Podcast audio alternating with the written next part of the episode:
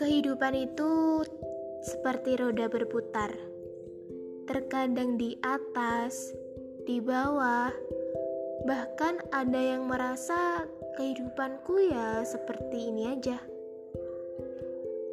Jalannya kehidupan itu terkadang tidak sesuai dengan ekspektasi yang dibayangkan, di mana tidak hanya ada kebahagiaan saja di dalamnya.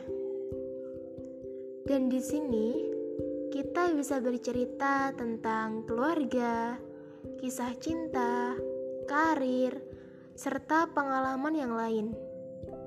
Dan aku akan menjadi teman, sahabat, sekaligus pendengar kalian yang ingin bercerita. Salam dariku, Duvena.